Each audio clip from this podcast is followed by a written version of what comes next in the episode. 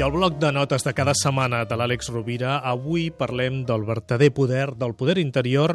El poder interior, suposo que l'Àlex Rovira hi estarà d'acord, no és un compte corrent, eh, no és un estatus, eh, no són les possessions materials, tot i que algunes d'aquestes coses, com els diners, eh, són necessàries, això, això queda clar, però no és un poder eh, interior, com, com se'ns ha dit de vegades, no confonent què és l'interior i l'exterior. La llibertat, per l'Àlex Rovira, la llibertat que neix de la senzillesa, seria el verdader poder interior. Oi, Àlex? Benvingut. Moltes gràcies, Espa. Doncs sí, quan parlem de poder interior, em porta a pensar en una profunda connexió humana, no?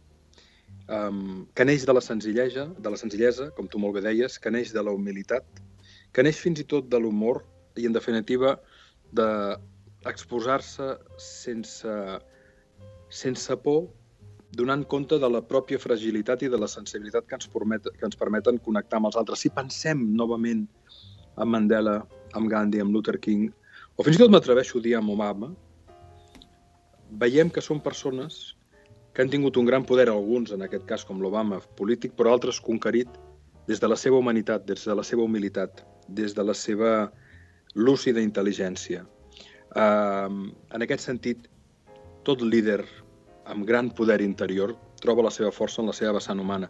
I tota llibertat de la gent senzilla, que potser no és notòria, neix de la senzillesa, de no tenir que dependre de uh, l'aprovació dels altres o fins i tot de, dels objectes que, que poden envoltar-nos. La llibertat de triar, la llibertat de ser, la llibertat d'expressar-se neix d'aquesta senzillesa i fonamentalment jo crec que una gran font de poder interior veritable és la capacitat de lliurar-nos i d'estimar, um, donar-nos als altres la transformació que prové de l'exercici de les virtuts, com parlàvem l'altre dia de la gratitud, de l'apreci, de donar-te de veritat, d'estimar de veritat, de valorar els éssers humans, d'aquesta mirada apreciativa que tu també tan sovint en parles, estimat Gaspar, és el que ens porta a la cooperació i la integritat. No pot haver-hi poder sense integritat. La integritat, la bondat, la consciència i l'amor són les veritables fonts de prosperitat i actuar a través d'elles és, és transformar el món i aquells que volen fer-ho a través d'un testimoniatge liderant amb l'exemple. No?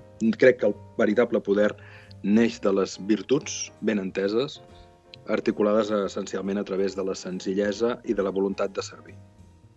Àlex, moltíssimes gràcies. Prenem nota d'aquestes teves reflexions. Els oients que vulguin recuperar qualsevol dels blocs de notes dels darrers 10 anys ja poden fer-ho a catradio.cat. Déu-n'hi-do. déu nhi sí.